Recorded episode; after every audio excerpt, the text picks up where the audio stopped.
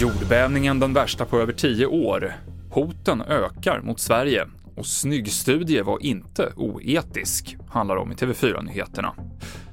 Ja, dödssiffran efter jordskalven som drabbat Turkiet och Syrien fortsätter stiga och är nu 9500, vilket gör det till den dödligaste sedan jordbävningen med den efterföljande tsunamin som krävde 20 000 liv i Japan 2011. Fortfarande så hittas, närmast mirakulöst, överlevande efter över 50 timmar i rasmassorna.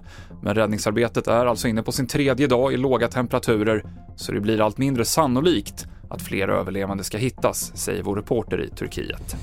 Eh, under de här dagarna så har man ju hittat tusentals människor i rasmassorna, men för varje minut som går så minskar det hoppet. Och eh, när man eh, pratar med människor igår så fick, man hela, så fick vi hela tiden känslan av att det där hoppet håller på att sina. Det berättade Filip Jakobsson. Säpo varnar för att antalet attentatshot mot Sverige har ökat efter bland annat koranbränningen utanför Turkiets ambassad. Enligt Säpo står Sverige i större fokus än tidigare för våldsbejakande islamism. Däremot så höjs inte terrorhotsnivån i nuläget. Ja, men terrorhotnivån eh, på förhöjd eh, nivå har vi haft under en ganska lång tid eh, och under den långa tiden så har vi haft både lite lägre aktivitet kopplat till attentatshot riktade mot Sverige men också högre aktivitet. Det här följer vi ju givetvis löpande och gör löpande bedömningar. Och vad är det då som krävs för att terrorhotnivån ska höjas? Jag skulle säga om det här flödet eh, fortgår över tid och inte mattas av eller att vi ser en annan konkretion av informationen eh, eller båda två tillsammans.